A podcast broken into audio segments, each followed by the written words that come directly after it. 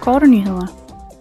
Et år efter Ruslands invasion af Ukraine har ødelæggelserne resulteret i, at omkring 40 procent af den ukrainske befolkning nu har brug for humanitær bistand og beskyttelse.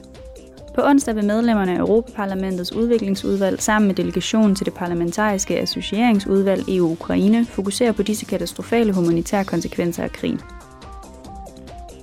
I dag og i morgen afholder Europaparlamentet og det svenske rådsformandskab den europæiske parlamentariske uge 2023 i Bruxelles. Her vil EU's økonomiske, sociale og budgetmæssige politikker blive drøftet.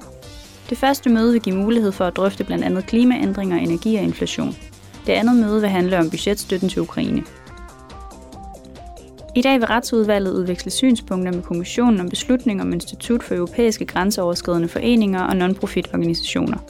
Udvekslingen foregår i forbindelse med årsberetningen for 2022 om anvendelsen af EU's charter om grundlæggende rettigheder, navnlig civilsamfundsorganisationers og rettighedsforkæmperes rolle.